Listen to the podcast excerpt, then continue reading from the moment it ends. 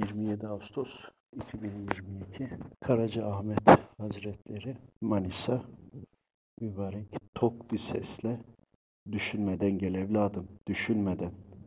Bu tonlamamdan daha sert. O kadar sert ki cihat dediğinde düşünmeden gel namaz dediğinde düşünmeden gel oruç dediğinde düşünmeden gel. Allah'ın emirlerini duyduğunuz an bir an bile düşünmeyin. Düşünerek yapan iman zayıflığı belirtisidir. Bunu bilsin.